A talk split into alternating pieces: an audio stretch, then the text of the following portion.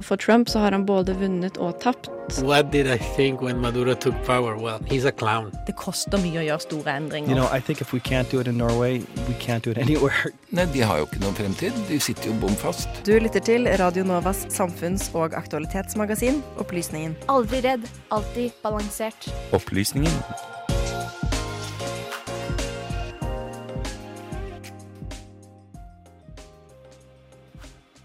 I 2018 kom det frem at homse og homo var de mest brukte skjellsordene i Norge. Hvordan er situasjonen for LHBT pluss-folk i Norge i dag? Det brukes mange ulike betegnelser innenfor LHBT pluss. Hva betyr disse? I Norge er det Rikshospitalet som utfører alle kjønnsskifteoperasjoner og hormonbehandlinger. Men hvordan fungerer dette systemet i Norge? Vi har snakket med to som har gått gjennom kjønnsskifteoperasjoner i Norge. Du hører på Opplysningen. Aldri redd, alltid balansert. Opplysningen hver fredag mellom klokken 10 og 11 på Radio Nova.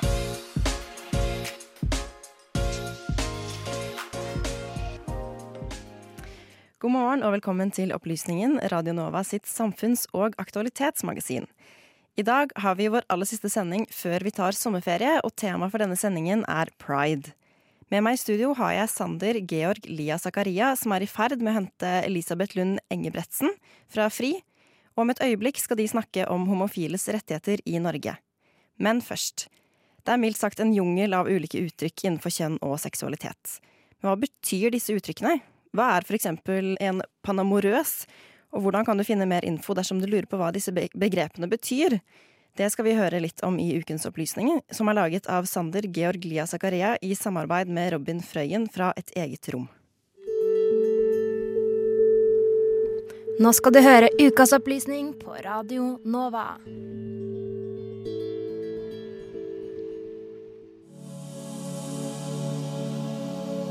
Hvordan definerer du deg? Eh, jeg definerer meg som en heterofil mann. Født jente, lesbisk, kom ut som trans, og eh, nå er jeg typ en heterofil mann. Jeg definerer meg som en panromantisk aseksuell transmann. Jeg definerer meg egentlig ikke med noen merkelapper. Men uh, før jeg slutta å definere meg med det, så brukte jeg panromantisk aseksuell. Som du sikkert hørte i dette klippet som er hentet fra NRK-serien Jævla homo, er det mange ulike uttrykk innenfor kjønn og seksualitet. Og det er lett å gå seg vill i jungelen av ulike uttrykk. Det har vi i Opplysningen, i samarbeid med Radionovas feministiske program, Et eget rom, forsøkt å finne en løsning på. En kjapp titt innom nettsiden til Foreningen for kjønns- og seksualitetsmangfold, FRI, viser en hel liste over ulike kjønns- og seksualitetsuttrykk. Og en titt innom Skeiv ungdomsside viser enda flere. Jeg satte meg ned sammen med et eget roms Robin Frøyen, som for øvrig også skriver master om kjønnsskeiv representasjon i litteratur, for å forsøke å finne ut av hva noen av disse begrepene betyr. Ofte så brukes forkortelsen LGBT pluss, LHBT pluss eller LHBTIQ pluss. Hva betyr alle disse forkortelsene? Uh, de betyr jo det samme, essentially. Uh, forskjellen på LGBT og LHBT er jo egentlig bare om du snakker på norsk eller engelsk. På engelsk så er det lesbian, gay, bisexual og trans, eller transsexual, mens på norsk er det lesbisk, homofil, bifil og trans. Uh, når du får med i-en, LHBTI, så er det også intersex. Når du får med A, så får du også med de allierte eller de aromantiske. Litt sånn avhengig av hva folk liker å se på det som. Men så da Hva ble det for noe? LHBTIQ. Og så kan du legge til en A hvis du vil. Q-en står jo da for queer eller skeiv. Så det er en fellesbetegnelse for alle skeive. Men det vanligste og kanskje mest kjente liksom, begrepet eller ordet innenfor da LHBTIQ er jo homofil eller homoseksuell. Hva betyr uttrykkene, og er det noen forskjell mellom dem? Det, de brukes jo veldig ofte uh, om hverandre, og det tror jeg er helt naturlig. Eh, det som er forskjellen på suffikset fil og suffikset seksuell, altså homofil eller homoseksuell, er eh, rett og slett bare avhengig av om det er snakk om romantisk tiltrekning eller seksuell tiltrekning. Så er du homofil, så tiltrekkes du romantisk av samme kjønn. Og er du homoseksuell, så tiltrekkes du seksuelt til samme kjønn. Så for veldig mange, for majoriteten, så er man jo som regel seksuelt tiltrukket av de samme du er romantisk tiltrukket av. Men for andre så går det an å f.eks. være heterofil, forelske seg i det motsatte kjønn, men biseksuell, at du blir seksuelt tiltrukket av begge.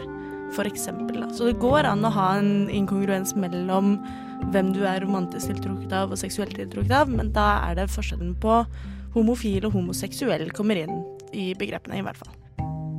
Eh, de fleste kjenner jo da til både lesbisk og bi. Men så er det et tredje begrep som dukker opp i denne forkortelsen, nemlig trans. Hva er egentlig det for noe? Eh, det som er interessant med liksom, det skeive miljøet, er at det på sett og vis er todelt. Man snakker om skeive seksualiteter, altså homo, lesbisk, bi, pan osv. Men så snakker du også om skeive kjønnsidentiteter, og det er der trans kommer inn i bildet. Så når du da er eh, trans, så betyr det at du ikke identifiserer deg med kjønnet du ble tildelt ved fødselen, er som regel slik man sier det. Sånn at uh, du da har transkvinner som identifiserer seg som kvinner, men kanskje ikke var født som det. Transmenn som identifiserer seg som menn, men kanskje ikke var født som det. Og ikke-binære som da ikke identifiserer seg med noen av delene. Eller begge deler. Eller noe en dag og noe en annen dag. Sånn jeg har forstått det, så er det en forskjell mellom transseksuell og transperson. Det svaret der er egentlig både ja og nei. Saken er den at begrepet transseksuell det ble vel introdusert i, på 1920-tallet, om jeg ikke tar helt feil, av en tysk kjønnsforsker, og har siden den gang blitt brukt om transpersoner. Problemet med begrepet transseksuell er at det inkluderer denne eh, suffiksen seksuell. Eh, men det har ingenting med seksualitet å gjøre. Kjønnsidentiteten din gjør nødvendigvis ingenting med hvordan du tiltrekkes av andre mennesker, kun med hvordan du oppfatter deg selv. Så det som er eh, relativt nytt nå, er at i den nye medisinske manualen som brukes eh, internasjonalt. Så i mai i år så ble det laget en ny internasjonal manual som skal brukes fra 2022. Men der har de byttet diagnosen transseksuell med en ny diagnose som heter kjønnsinkongruens. Og det betyr at heller enn at man kalles transseksuell, det har jo ingenting med seksualitet å gjøre, så er du da heller transkjønnet. Som betyr at du har et kjønn som er annerledes fra det du er født med. Men uh, seksualiteten din, det har ingenting med saken å gjøre. Så transperson, det er det riktige å si. Intersex er, i motsetning til mange av de andre greiene, altså seksualitet og, og kjønn er mye mer identitet, mens intersex er en medisinsk eh, tilstand. Det betyr at du enten er født med genitalia som ikke tilsvarer helt kvinne eller helt mann. At du f.eks. har eh, kromosomfeil som gjør at du eh, har kvinnelige trekk, men primært mannstrekk, eller omvendt. Eh, eller at du har hormonverdier som ikke stemmer overens med normalverdiene hos cis-personer. Sånn at det å være intersex er ofte en sånn Det er en medisinsk situasjon som oppstår. Veldig ofte så blir det korrigert når man er ung, i hvert fall det kosmetiske. Men det er jo nå mye snakk om hvorvidt det er riktig eller ikke. Eh, for eh, fungerer som regel helt, eh, helt fint i hverdagen, men kan da ha trekk som svarer til begge kjønn eller en mellomtid. Innenfor kjønn så snakker man ofte om binære og ikke-binære kjønn. Hva er egentlig det for noe? Eh, da Den enkleste måten å forklare de ikke-binære kjønnsidentitetene på, det er eh, å forklare binære kjønnsidentiteter først. Binær betyr jo todelt. Man snakker om eh, det binære systemet som da et totallsystem som regel. Det er det man lærer på barneskolen. Når det kommer til kjønn, så snakker man da om inndelingene i to kjønn, mann og kvinne. De som da identifiserer seg som ikke-binære, identifiserer seg utenfor disse standardiserte formene menn og kvinner. Eh, det betyr enten at man f.eks. sånn som meg ikke føler på noe kjønn. Jeg er ikke-binær og identifiserer meg som A-kjønnet. Eller så går det an å være kjønnsflytende eller gender fluid. At du føler deg som mann en dag, kvinne neste, en mellomting dagen etter. Eller så går det også an å føle seg som et eh, tredje kjønn, eller eh, Ja, det er egentlig kun fantasien som setter litt grenser, eller identitetsfølelsen som setter grenser. Men ikke-binær er det paraplybegrepet for alle transpersoner som ikke identifiserer seg som mann eller kvinne. Hva er pan og panfili og panfil for noe? Panfil eller panseksuell og bifil og biseksuell brukes veldig ofte om hverandre. Det er fordi bi betyr to, og er man bifil, så snakker man da om at man er tiltrukket til begge kjønn. Uh, mens pan betyr alle. Så helt sånn lingvistisk så betyr det da at panseksuell, da er du tiltrukket av alle kjønn. Så det er egentlig litt smak og behag. Uh, noen liker å identifisere seg som bifil og har alltid gjort det jeg er komfortabel med det, men tiltrekkes likevel til alle kjønn. Mens uh, noen foretrekker å bruke pan-begrepet. Som jeg f.eks. identifiserer meg som panseksuell, men jeg kunne like gjerne brukt. Eh, det er bare snakk om hva man ønsker å bruke om seg selv. SIS-begrepet er det Det har vært litt i media i det siste. Det er folk som ikke liker det så godt. Men helt enkelt forklart så er cis det er bare det motsatte av trans. Så det å være cis betyr at uh, du identifiserer deg med det kjønnet jordmora sa da du ble født. Hurra, det er en gutt, og så går du og tenker hele livet at ja, det er jeg da er du nok cis. Men hvis jordmora heller sa hurra, det er en jente, så går du og tenker ja, men søren, jeg er jo, jeg er jo ikke det. Da er man trans. Så det er ikke verre enn det. Det er eh, helt uh, medisinske uttrykk i, eh, bunn og grunn, og hvordan folk velger å bruke dem rent semantisk, om de bruker det negativt eller positivt, det er litt opp til hver enkelt. Men helt medisinsk, bare det motsatte av trans. Tips og triks, da vil jeg kanskje først anbefale deg å sjekke eh, foreninger som jobber med det her. Høre med Foreninga FRI eller Skeiv Ungdom. Dette er jo da igjen eh, organisasjoner som driftes og forvaltes av skeive, så de veit jo litt hva de prater om. Du kan også fint spørre din, din lokale skeive hvis du har en homokompis, eller hvis du har Eh, en ikke-binær venn som, som, er åpen for å svare på spørsmål, så er det alltid lov å spørre, så lenge du respekterer at kanskje ikke alle spørsmål er behagelige å svare på. Sånn at det er helt fint å spørre hvis noen sier at de er ikke-binær, så går det an å spørre å ja, hva mener du med det? Uh, men kanskje unngå å spørre men hvordan ser tissen din ut da, liksom? Eller hvordan har du sex da? Det er jo ikke det man spør om, men, men det er helt fint lov å spørre å ja, men du, dette, dette kan jeg ikke så mye om, kan du forklare litt? Så er det nok De fleste er nok villige til å forklare litt. Samtidig så må man også skjønne at det er ikke alle skeives jobb å være læreren din, så det går an å gå og google også, eh, og kanskje lese opp litt på forhånd. Du hørte Sander Georg Lia Zakaria intervjue Robin Frøyen fra programmet Et eget rom. I dette innslaget fikk vi dessverre ikke dekket alle begrepene, men dersom du vil lære mer, ligger hele intervjuet ute som podkast på iTunes eller Spotify. Dersom du synes dette var spennende, burde du sjekke ut Et eget rom, Radio Novas eget feministprogram. De sender hver mandag fra klokken 10 til 11. Opplysningen hver fredag mellom klokken 10 og 11 på Radio Nova. Aldri redd, alltid balansert. Opplysningen.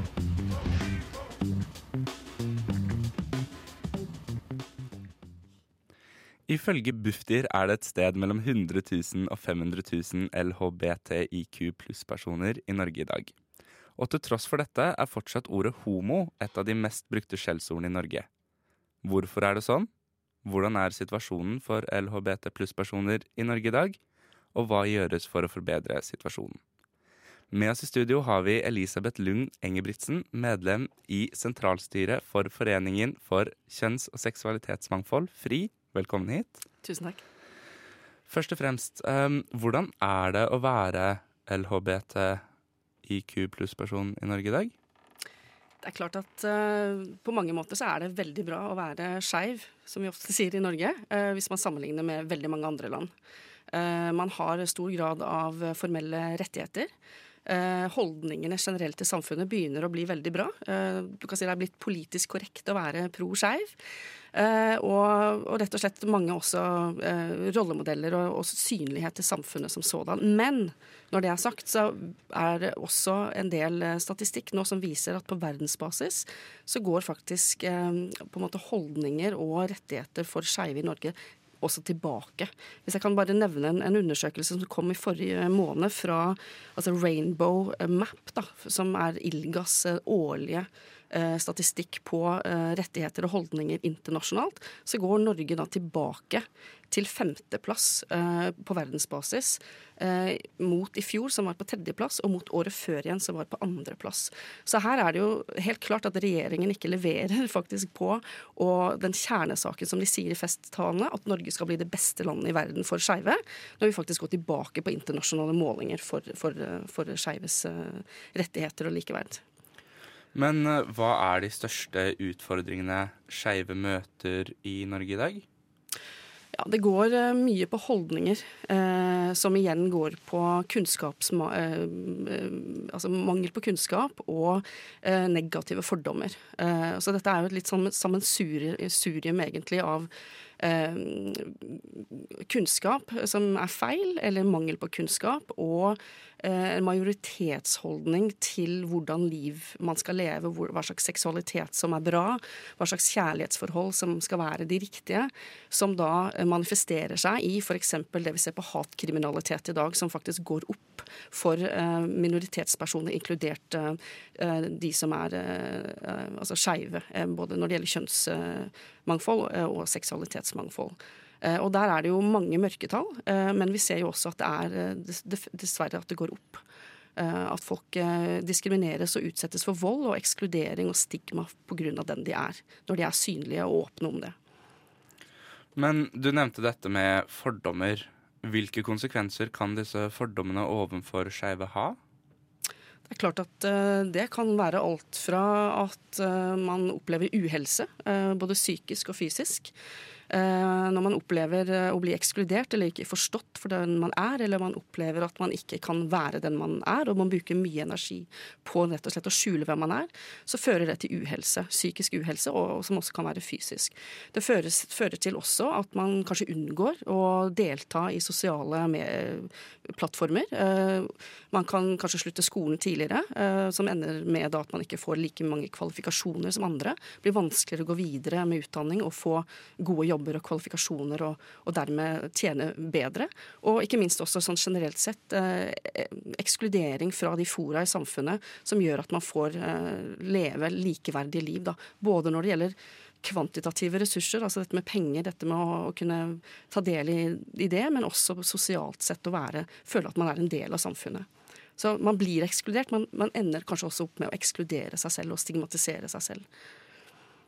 Men Elisabeth, dere i FRI, dere jobber jo mye for eh, akkurat skeives rettigheter. Mm. Eh, hva slags arbeid er det dere gjør, og hvilke tiltak er det man kan gjøre for å forbedre eller bedre den situasjonen? Vi gjør jo veldig mye, heldigvis. Det er veldig godt å kunne si det. Eh, mye av arbeidet vårt eh, går jo på eh, å, å, bidra til kompetanseheving eh, på sentrale plattformer i samfunnet. Vi har et eh, team som heter Rosa kompetanse, som holder kurs på skoler og i arbeidslivet, slik at eh, de som er da jobber med barn og unge, de som jobber med andre mennesker, har kolleger osv., kan få den nødvendige basiskompetansen på kunne, for, på, som da kan gjøre at folk ikke føler seg ekskludert, at det er li, faktisk likeverd mellom, mellom mennesker mennesker på jobb um, og i skole. Uh, vi jobber også veldig med det regionale og lokale uh, rundt om i Norge. At vi kan styrke FRIs lokallag uh, rundt om i distriktene. Sånn at det ikke bare skal være greit å være skeiv i Oslo og Bergen og Trondheim kanskje, men at det skal være greit å bo på småsteder også og føle at man har et sted å komme. Så det er veldig mange av lokallagene til FRI som har regelmessige kafeer, spesielt kanskje for transfolk, for eldre, de som ikke har kanskje naturlige eller lettere for å finne eh, sosiale møteplasser, som ikke kanskje er så veldig bekvemme med å bruke nettet f.eks., at det ikke er nok for dem. Um, vi har jo pride, selvfølgelig. Nå er vi inne i den sesongen. Og det er klart at det er en årlig og veldig viktig markering. Både for at vi som er skeive selv, kan feire oss selv og de seirene vi har. Men det er også en veldig poli viktig politisk plattform for å kunne fronte de sakene vi fremdeles må, må arbeide for å forbedre.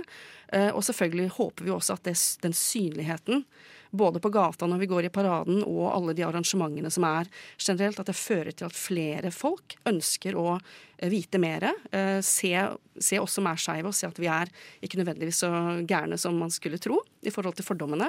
Og faktisk selv eh, kommer, altså, at holdningene endres til det mer positive som følge av det. Det er veldig viktig. Det er noe av det vi gjør, men jeg kunne nevnt veldig mye mer også. Ja, det, det tviler jeg ikke på. Men hvis vi ser på det liksom på litt sånn større spekter, hvis vi ser liksom på Norge som en helhet, Ja. tror du det er i hovedsak snakk om liksom sosiale eller politiske tiltak for å kunne bedre denne situasjonen? Ja, her må vi bare, bare si at det er både og, altså. Uh, her kan man ikke både, altså fokusere bare på en av, av sidene. Men det er klart at den politiske føringen fra regjeringshold og departementene er ekstremt viktig for å delegere ressurser og prioriteringer til å arbeide eh, fokusert, kompetansebasert og langsiktig for å bedre levekår. Eh, og så kommer jo holdningene med, eh, med dette. Så her må man jobbe på begge sider. Både overfor eh, eh, politiske styresmakter og institusjoner, men også i hverdagslivet. Altså folk, eh, folk selv må faktisk ta ansvar for sine, hvordan de oppfører seg, hvordan de skriver i kommentarfeltene f.eks. Hvordan de snakker ved middagsbordet om folk som kanskje har et annerledes kjønnsuttrykk eller er skeive når barna sitter og hører på. Så her er det samspill altså med på en måte storpolitiske hensyn og, og ikke minst individ, individnivå. Um, nå er vi jo midt oppi Pride-måneden, og pride er jo selvfølgelig hovedtema for dagens sending. Og da mm. lurte jeg på om du kunne, kanskje kunne fortelle litt om årets pride-kampanje og liksom pride, da, som vel offisielt går av stabelen i morgen, kan man kanskje si? Ja, i, i Oslo begynner, har det ikke begynt helt ennå. I Bergen så er de godt i gang. Og så har det faktisk allerede vært uh, vinterpride i Lillehammer i, i, i februar. Og så har det vært et par lokale pride allerede. Men det er klart at det som binder alle pride-arrangementene i Norge sammen i år, det er et felles tema som vi alltid har. Og i år så er det historie. Eh, Vi markerer at eh, i eh, 2019 så er det offisielt sett 50 år siden eh, den moderne massebe, altså skeive massebevegelsen vokste frem. Og det jo Det startet jo da med et opprør på en skeiv eh, bar i, i, i New York 1969, 27. juni, Stonewall, som på en måte har blitt en sånn symbolsk eh, startpunkt for eh, den moderne bevegelsen. Eh, og det skal vi feire og markere med både digitale og eh, eh, real life eh, rundt forbi i landet. Vi har eh, eh, mange forskjellige paneler hvor vi diskuterer tematikk som har å gjøre med den historiske bakgrunnen for hvorfor vi har det sånn som vi har det i dag, f.eks. Eh, at vi skal få et, et historisk perspektiv på nåtidens eh, situasjon. Eh, og så har vi eh, digitale eh, kampanjer, f.eks. på Instagram, hvor man kan gå til da alfakrøll eh, pride 50 år, med to a-er. Hvor folk kan legge inn bilder, de kan legge inn historier om hvilke f.eks. årstall som har vært viktig for dem. Eh, når kom jeg ut? Når kom jeg først hjem med kjæresten min? Eh, når fikk jeg eh, f.eks. oppdatert kjønnet mitt i passet, slik at det ble det kjønnet som jeg identifiserer meg med? Og så, videre. så her har vi mange forskjellige arrangementer. Og eh, nå husker jeg ikke ak akkurat antall pride vi har i hele Norge, men det, er, det, det blir minst 20, tror jeg, for at det var ca. det tallet i fjor. Så det er utrolig mange arrangementer som skal foregå utover hele, eh, hele året, faktisk. Ikke bare nå i juni.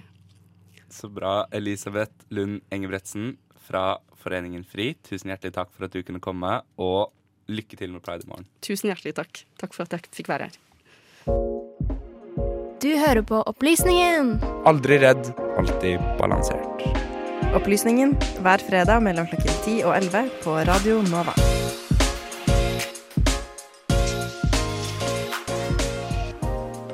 Det blir født mellom 10 til 12 barn i Norge i året som er født interkjønn.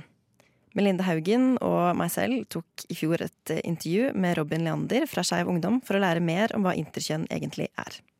Det å være interkjønn vil si at man har primære eller sekundære kjønnskarakteristikker som ikke passer inn i den veldig definerte biologiske boksen mann eller kvinne. For eksempel mannlige kjønnskarakteristikker kan være mørk stemme, det kan være skjeggvekst, det å ha en penis, det å ha små hofter, mens tradisjonelle kvinnelige kjønnskarakteristikker kan være eksempel å ha brystvekst, det å være litt lavere, ha en lys stamme, ha mindre kroppshår. Eh, og det å være interkjønn er basically en blanding mellom de her kjønnskarakteristikkene, og det kan komme av veldig mange ulike typer biologiske forskjeller, som f.eks. For kromosomer, hormonnivå, en del sånne ting.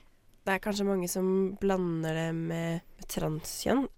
Det, det skjer. Eh, og det handler jo i utgangspunktet om to veldig ulike ting. Det å være trans eh, handler om kjønnsidentitet, og at man sjøl ikke identifiserer seg med det kjønnet man ble tildelt ved fødsel, mens når det kommer til interkjønn, så er det faktiske biologiske forskjeller fra det kjønnet man ble tildelt, eller som doktorer eh, på en eller annen vis gjennom kirurgi f.eks. ønska å tildele deg, fordi du ikke passa inn biologisk. Hva tror du skjer når folk blir født som interkjønn? Hva, hva er det første som skjer idet de kommer til verden? Eh, det kommer veldig an på hvilken interkjønnsvariasjon man har, fordi det er ikke alle varianter som er synlige ved fødsel. En del kommer til syne først i pubertet eller senere i livet. Eh, men for de av oss som er født med kjønnsorganer som ikke er veldig tydelig mannlig eller kvinnelig, eh, så er det veldig ofte at doktorer f.eks. anbefaler kosmetiske operasjoner for å kunne tildele det her barnet et spesifikt kjønn. Um, og det er veldig synd, fordi i Norge så har vi veldig lite informasjon om den praksisen som faktisk skjer på dette feltet. Eh, men vi vet at det skjer en del kosmetiske operasjoner på, på småbarn sine genitalier, som småbarn som på ingen måte har mulighet til å gi samtykke. Tror du leger generelt har nok kunnskap om det her? Jeg tror ikke leger generelt har nok kunnskap om kjønnsmangfold i det hele tatt. Gjennom personlige opplevelser med helsevesenet som, som transperson, så vet at det på kjønnsfeltet, både når det kommer til kjønnsidentitet eh, og variasjon i kjønnskarakteristikker, at det mangler veldig mye kompetanse i det norske helsevesenet, dessverre. Altså, det, det, er veldig mye her som man vet veldig lite om. Det har blitt forska veldig lite på det. Eh, og det av forskning som finnes, er ikke veldig lett tilgjengelig. Hvordan tror du bevisstheten er rundt den tematikken? Det er veldig lite bevissthet rundt denne tematikken i Norge, eh, og det ser vi igjen med at vi f.eks. ikke jobber noe særlig med dette temaet i de store LHBTI-organisasjonene. Eh, og vi har heller ikke noen egen organisasjon på interkjønnsfeltet som jobber med det. Ja, for hvordan er det egentlig å drive aktivisme for en gruppe som er såpass lite synlig ellers i samfunnet? Tilnærma umulig. Eh, det er planer om å prøve å starte en egen interkjønnsorganisasjon i Norge eh, gjennom et par aktivister som jeg kjenner, men vi har ikke kommet så langt, for det er veldig vanskelig å finne folk som sjøl er interkjønn, identifiserer seg som det, og som har kapasitet til å være med å starte en organisasjon, for det er jo også veldig mye jobb. Hvorfor tror du det er så få som identifiserer seg som det, når det blir født mellom 10 og 12 barn som interkjønn hvert eneste år? Internasjonalt så ser vi ofte at barn som er født med genitalia som ikke nødvendigvis er veldig lett å plassere i boksen mann eller kvinne, ofte blir operert som spedbarn uten at de sjøl får informasjon om at dette inngrepet har blitt begått. Eh, så man kan vokse opp helt uten å vite at man har hatt operasjoner av dem. Eh, og vi vet også at det er veldig mange personer som kanskje er interkjønn i Norge i dag, som ikke vet det, fordi det finnes veldig lite informasjon på feltet. Eh, og at man da f.eks. bare oppdager de mest kritiske tilfellene der det å være interkjønn fører til en del fysiske helseplager. Eh, men det er på langt nær ikke alle varianter der det er tilfellet, og da går man kanskje hele livet og er interkjønn uten at man nødvendigvis er klar over det. Men hvordan kan samfunnet bli bedre på å normalisere interkjønn, tror du?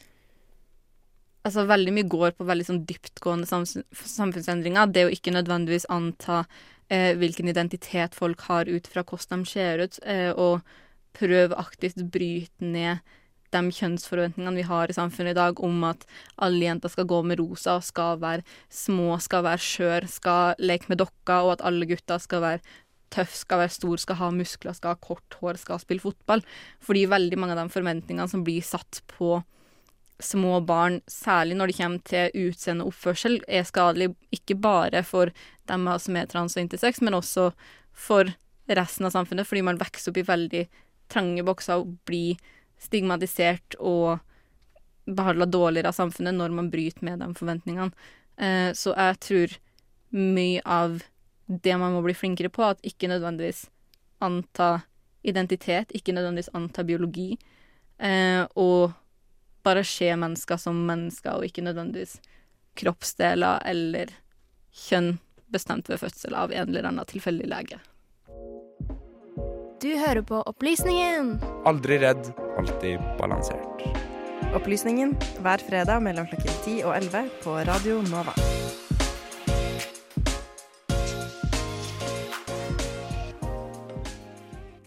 På kveldstid trener Massimo et fotballag i Bærum. På dagtid jobber han som prest i den evangelske kirken i Oslo. Du skal nå få høre mer om Massimo i dette portrettet laget av Anna Lea Thorseth Poppe og Melinda Haugen fra Skumma kultur. Navnet Massimo kom fra når jeg bytta det sjøl. Da bytta jeg fordi det var en italiensk fotballdommer som jeg likte, som het Massimo. Lite visste jeg da at han var korrupt og ble tatt i skandale to år seinere, og sitter i fengsel ennå. Men eh, jeg tok til meg navnet fordi jeg syntes å, jeg skal høre ut som Massimo. Så trodde jeg skulle få mye jenter. Fant ut at det var homo, da gikk jo det dårlig. Men jeg har beholdt Massimo hele veien, da. Jeg syns det er kult navn. Erik Massimo Herstehagen. En mann på 35 med krøllete hår og et stort smil. Han befinner seg for øyeblikket i det slitne klubbhuset til Bærum sportsklubb, der han trener spillere mellom 13 og 19 år. Når han ikke er her, er han som regel i Den engelske kirken i Møllergata i Oslo, hvor han jobber deltid som prest. Altså, Summa summarum med alt jeg får gjort i løpet av en uke, er jo sikkert litt rar, men det, det, det, har bare blitt naturlig for meg. Det har aldri vært en plan om å være breddetrener eller eh, sånne ting. Jeg har jo ikke oppvokst i et kristent hjem, men det har bare altså det har blitt til med seg godt. da. Ok, eh, Jeg bruker mye tid på fotball og kirke, og, eh, og det blir bare sånne rare elementer. da, Men jeg syns det funker for meg.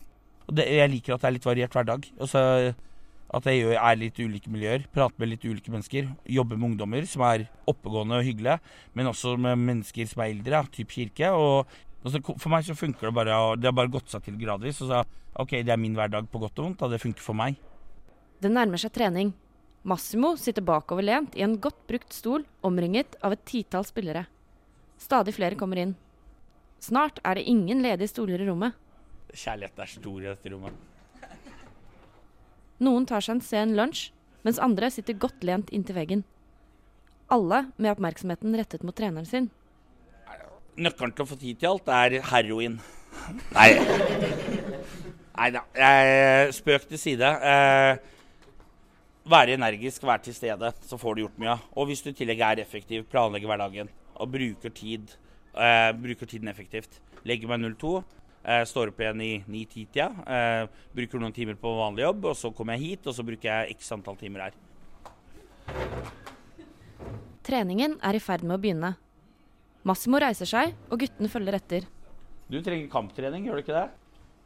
De må forte seg ut før solen forsvinner. Kadettangen i Sandvika er fremdeles en byggeplass etter sommerens festivaler, og lyskasterne fungerer ikke. Én etter én går spillerne ut på gressmatta.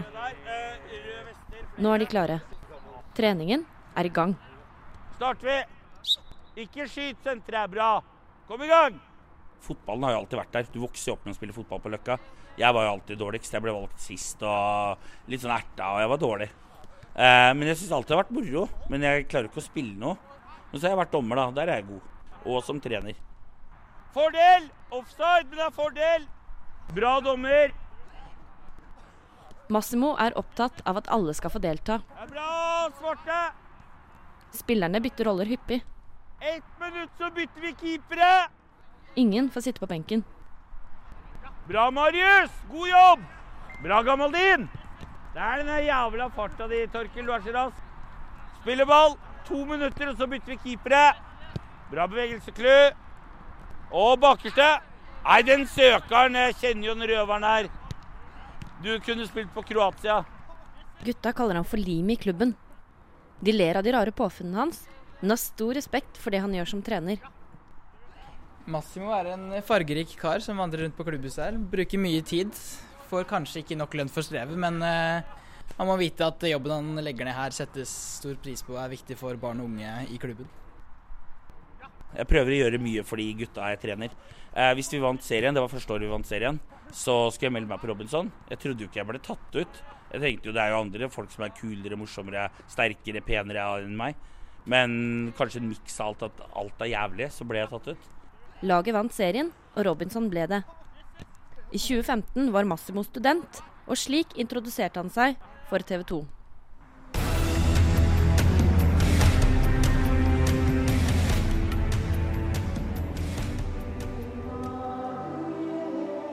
Jeg er personlig kristen, men jeg har ingen interesse av å misjonere eller å, nå skal vi snakke om Gud og Jesus, barnet mitt, og være sånn gladkristen.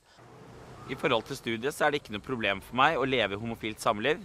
For å si litt fleipete, kirka er stifta på hor på 1600-tallet. Så skal det godt gjøres at ikke vi også kan si, holde på med vårt. Kort og greit så handler det om å være medmenneske. Kunne lytte, kunne respektere andre, natur osv. To og et halvt år har nå gått siden innspillingen av Robinson, og Massimo har fullført teologiutdannelsen. Ville jo bli lege som pappa, men jeg er ikke smart nok. Og da ble det teologi. Da kan man lure folk med å være litt dum, bare ljuge litt. Eh, jeg føler at teologi er interessant pga. historie, men også fordi det er et yrke der du kan hjelpe mennesker. Mens Massimo tilbringer mesteparten av tiden sin i kirken og på fotballbanen, har kjæresten Vette valgt en helt annen vei. At han ikke har samme tro, er ikke viktig for Massimo. Ikke samme type jobb, jobber med finans i Japan så, og ateist. Det er helt moro. Vi er helt ulike. Du kan tro på hva du vil for meg, så lenge grunnverdiene er de samme. Eh, mange religioner og ikke-ateisme har jo mye av det samme verdibudskapet. Nestekjærlighet, medmenneskelighet, tilgivelse. Men jeg føler at den kristne definisjonen av det er det som jeg identifiserer meg mest med. Massimo kommer ikke fra en kristen familie. Troen hans har utviklet seg gradvis i voksen alder. Nei, Jeg vet ikke når jeg ble kristen. Jeg, ikke, jeg er ikke syk nok i hodet til å liksom ha sett en engel som kom ned fra himmelen og sånn. Så det var en gradvis prosess. Hjemme brydde ikke mamma og pappa seg noe som helst. Eh, det er ikke noe barnetro. Altså, det kom sånn Det kom når jeg ble litt eldre. Vi kjører så lenge dere føler det er greit, gutta. Deilig. Ah, synd. Ja, vi stopper der, vi. Ta med kjegler! Alle bidrar! Gerhardsen hadde vært fornøyd. Kom igjen! Opplysningen hver fredag mellom klokken 10 og 11 på Radio Nova. Aldri redd, alltid balansert. Opplysningen.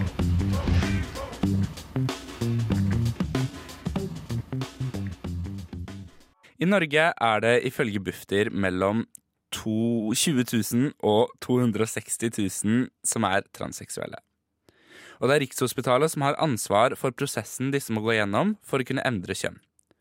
Men hvordan er egentlig denne prosessen? Og hvordan oppleves den av de som går gjennom den? Sander Georg Lia Zakaria og Julie Solvin Jacobsen snakket med to som hadde gått gjennom denne prosessen i dette innslaget. Første møtet mitt med Riksen var eh, i 2015, tror jeg. Jeg var vel 18 Nei, men da var det tidligere. Det var 2014. Um, så det, altså, hele prosessen med Riksen da starta jo med at jeg først eh, ble henvist til BUP og måtte liksom gjennom en prosess der og liksom finne ut at jeg ikke hadde noen andre store forstyrrelser. Eh, og så blir man videre henvist til Rikshospitalet. 21 år gamle Noah Liem Lyslo Skullestad fra Kongsberg forteller om sine erfaringer fra da han ønsket å starte sin prosess for å bli en gutt. Og det var egentlig ganske greit den første gangen. Jeg hadde jo hørt veldig mye om Rikshospitalet fra før. Jeg hadde hørt at de um, legger veldig stor vekt på tradisjonelle kjønnsroller. Du kan på en måte ikke være noe midt imellom. Du må være veldig jente eller veldig gutte. Um, så jeg husker at jeg liksom tok meg de mest maskuline klærne jeg hadde. Jeg var forberedt på liksom en sånn Jeg er en sterk heterofil mann som jeg ikke er i det hele tatt. Akkurat som Noah følte også 20 år gamle Billy Skjøne Saksegård fra Drammen at Rikshospitalet fokuserte på at man måtte passe inn i rollen som det kjønnet man ønsket å bli. Ønsket man å bli kvinne, måtte man være 100% feminin. Første gangen jeg var der, så var det vel liksom øh, Ble jo oppfordret til å liksom Rett på blonde undertøy og kjole, og det var liksom Det var en veldig sånn enten-eller øh, Litt sånn konservativ, da? Ja, veldig. Og det var liksom ikke Det var ikke rom for egentlig på en måte at kvinner kunne være noe mer enn en stereotypi, egentlig. Da, ikke sant? Nei. Noah følte han ikke kunne være ærlig med egne tanker og følelser rundt kjønn og hans egne identitet. Før jeg begynte, så var det veldig mange som var sånn Ok, du kan aldri si det på Riksen, f.eks. Du kan aldri si at eh, du f.eks. liker litt feminine ting, da. Du må være skikkelig maskulin. Og det var på en måte Altså, det har på en måte blitt en sånn greie hvor transpersoner nesten læres opp til hvordan de skal oppføre seg på Riksen. Han var en gang ærlig om sine egne tanker rundt eget kjønn, og fikk kjenne på konsekvensene av dette. Ja, nei, altså, jeg prøvde en gang. Uh, det var en gang jeg, jeg tror jeg sa liksom ja, Jeg føler meg egentlig ikke 100% maskulin. Altså, jeg er ikke 100% maskulin hele tiden. Og da var det veldig sånn OK, men da må du ta en tenkepause, og så kan du komme tilbake om et halvt år. Ikke bare risikerer du at det tar lengre tid, men du risikerer jo også at du ikke får behandling i det hele tatt. Um, og det er jo for veldig mange livsnødvendig, faktisk. Det kan få ganske fatale følger hvis man er ærlig og kommer med et svar som ikke på en måte passer inn i deres eh, syn på, eh, på kjønn, ikke sant? Et sted hvor man egentlig skal føle seg trygg, ender med å bli et sted man føler seg liten og alene. Du kommer dit, og du er redd, og du er sårbar, og du stoler ikke på dem. Og de stoler heller ikke på deg. Ikke noe gjensidig tillit, og det tenker jeg er det største problemet. egentlig. Fordi jeg tror ikke nødvendigvis at alle de som jobber på Riksen er fæle mennesker, men det er bare det at de har ikke noe tillit til pasientene sine, og pasientene har ikke noe tillit til de heller. Eh, og det skjønner jeg jo godt. Jeg, har jo, jeg gikk der lenge, fikk jo høre at eh, Ok, du får starte på hormoner om et halvt år, og så gikk det jo et år likevel. Um, og jeg har også blitt fortalt der at ja, du kommer ikke til å bli lykkelig.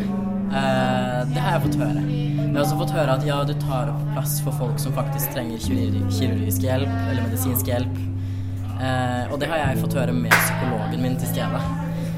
Og da tenker jeg at det er ganske sjukt at man sier det til pasientene sine, da, som egentlig er folk som du vil hjelpe.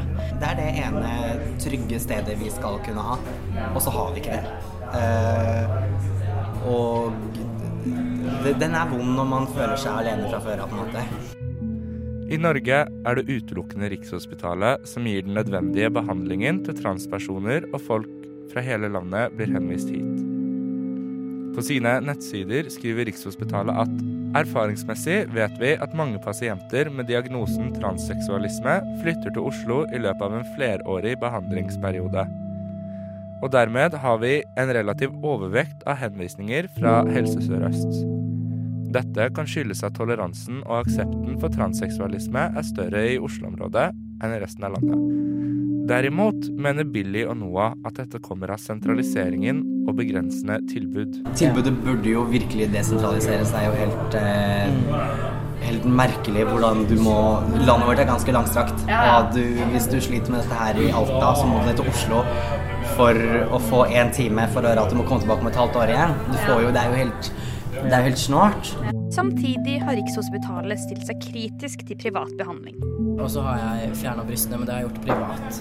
Rett og slett fordi det er lang ventetid der, men også fordi jeg har uh, hørt at de har sagt at de har, de har såpass lite kapasitet da, at de eh, i hvert fall til en jeg kjenner, har sagt at ok, bare gå og operer deg privat. Det går fint. Eh, men det som da er veldig merkelig, er at de etterpå har lagt ut eh, på nettsiden sin at eh, alle som har påbegynt privat behandling, får ikke behandling hos oss. Midt i påskeuken 2018 oppdaterte Rikshospitalet sine retningslinjer. Det ble nå vanskeligere for transseksuelle som allerede hadde startet behandlingen privat, å få behandling hos Rikshospitalet i tillegg. Dette førte til store protester og nærmest panikk hos organisasjonen FRI, som står for Foreningen for kjønns- og seksualitetsmangfold.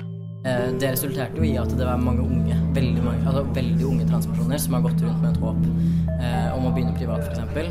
Eh, nå føler at det liksom får Ja, ikke sant. De får inntrykk av at ok, nå kommer jeg aldri inn på Riksen, nå er det ikke noe vits å leve mer. Så de frykta rett og slett at det her gikk, det her gikk rett og slett på liv og død for veldig mange. Derimot trakk Rikshospitalet tilbake formuleringen kort tid etter. Ifølge FRI kan man i dag både starte på hormoner og motta brystoperasjoner hos andre private tjenester i tillegg, selv om dette påfører ekstra kostnader.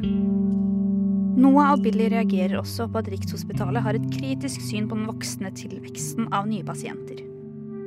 Det å, ja, tenker jeg sånn, Når Riksen liksom er så bekymra for det er så mange flere som kommer til dem, så tenker jeg at det er jo en naturlig reaksjon på at det er mye større åpenhet. Vi har hatt eh, TV-programmer om det å være trans. Vi har bloggere som er trans. Vi har masse folk på YouTube. Eh, det er en helt naturlig effekt av det at samfunnet er mye mer åpent. Eh, vi har mye mer eh, kontakt med andre på andre siden av verden. Og da er det ikke så jævlig rart at det er flere som skjønner ok, det er det her, det er, det, er det her som skjer med meg, liksom. Og så er det skummelt, syns jeg, reagerer på på en måte at folk begynner å finne seg selv litt mer med liksom avsky på den måten, eller at liksom med en sånn Det er litt en bit med at om Det er liksom herlighet folk finner endelig ut av hvem de er. Kan ikke bare se på det som en fin ting, enn at man skal tenke på det er negativt. Se for dere at uh, sjefen på Rikshospitalet og Bent Høie sitter og hører på akkurat nå. Altså, hva, hva ville dere kanskje Hva ville dere sagt? Hva er det som liksom er viktig for dere? Hva er det som endres med dette systemet? Behandle oss med respekt, først og fremst. Putt oss og se på oss som individer og eh, på en måte mennesker med følelser, og at vi er sår, i en sårbar situasjon, heller enn at på en måte, de skal putte sin egen agenda først. Da. Rett og slett. Det er min lille, litt, mitt lille hjerteskrik, rett og slett. Jeg tenker at det er superviktig først og fremst at, eh, at det desentraliseres. da, At man har tilbud der man bor. Eh, om ikke i hjemkommune, så hjemfylke, i helseregionen. Det er kjempeviktig når det er folk som må reise så langt. Um, og i tillegg så syns jeg at de må bli så sinnssykt mye flinkere på dette med individuell behandling. Jeg skjønner at de ikke kan skreddersy en plan for alle, men jeg syns de burde se enkeltindividet mye bedre enn det de gjør. Eh, og ikke selge en pakkedeal, for at det fungerer for de aller færreste, rett og slett. Ikke sant. Og gjerne la det være et trygt rom for de som kommer, fremfor at man skal øve seg i forkant og, og i hvert fall lyve og liksom la det heller være trygt og godt. Og så kan man få senke skuldrene og bli sett på som at man ikke er gæren. Så mer ressurser til hver enkelt eh, pasient, rett og slett. Definitivt. Definitivt. Mm. Faktisk. Ja. Det var det vi rakk for sendingen vår i dag. Medvirkende til ukas sending var Sander Georg Lia Zakaria, Julie Solvin Jacobsen, Melinda Haugen, Josefine Marstad og meg selv, Anna Lea Thorseth Poppe. Tekniker var som alltid Annika Selin Bogen. Høres på Spotify eller iTunes. Vi tar sommerferie, men podkastene våre ligger tilgjengelig. Følg oss på sosiale medier for å holde oppdatert på hva som skjer i verden, også i ferien. Vi snakkes. God helg.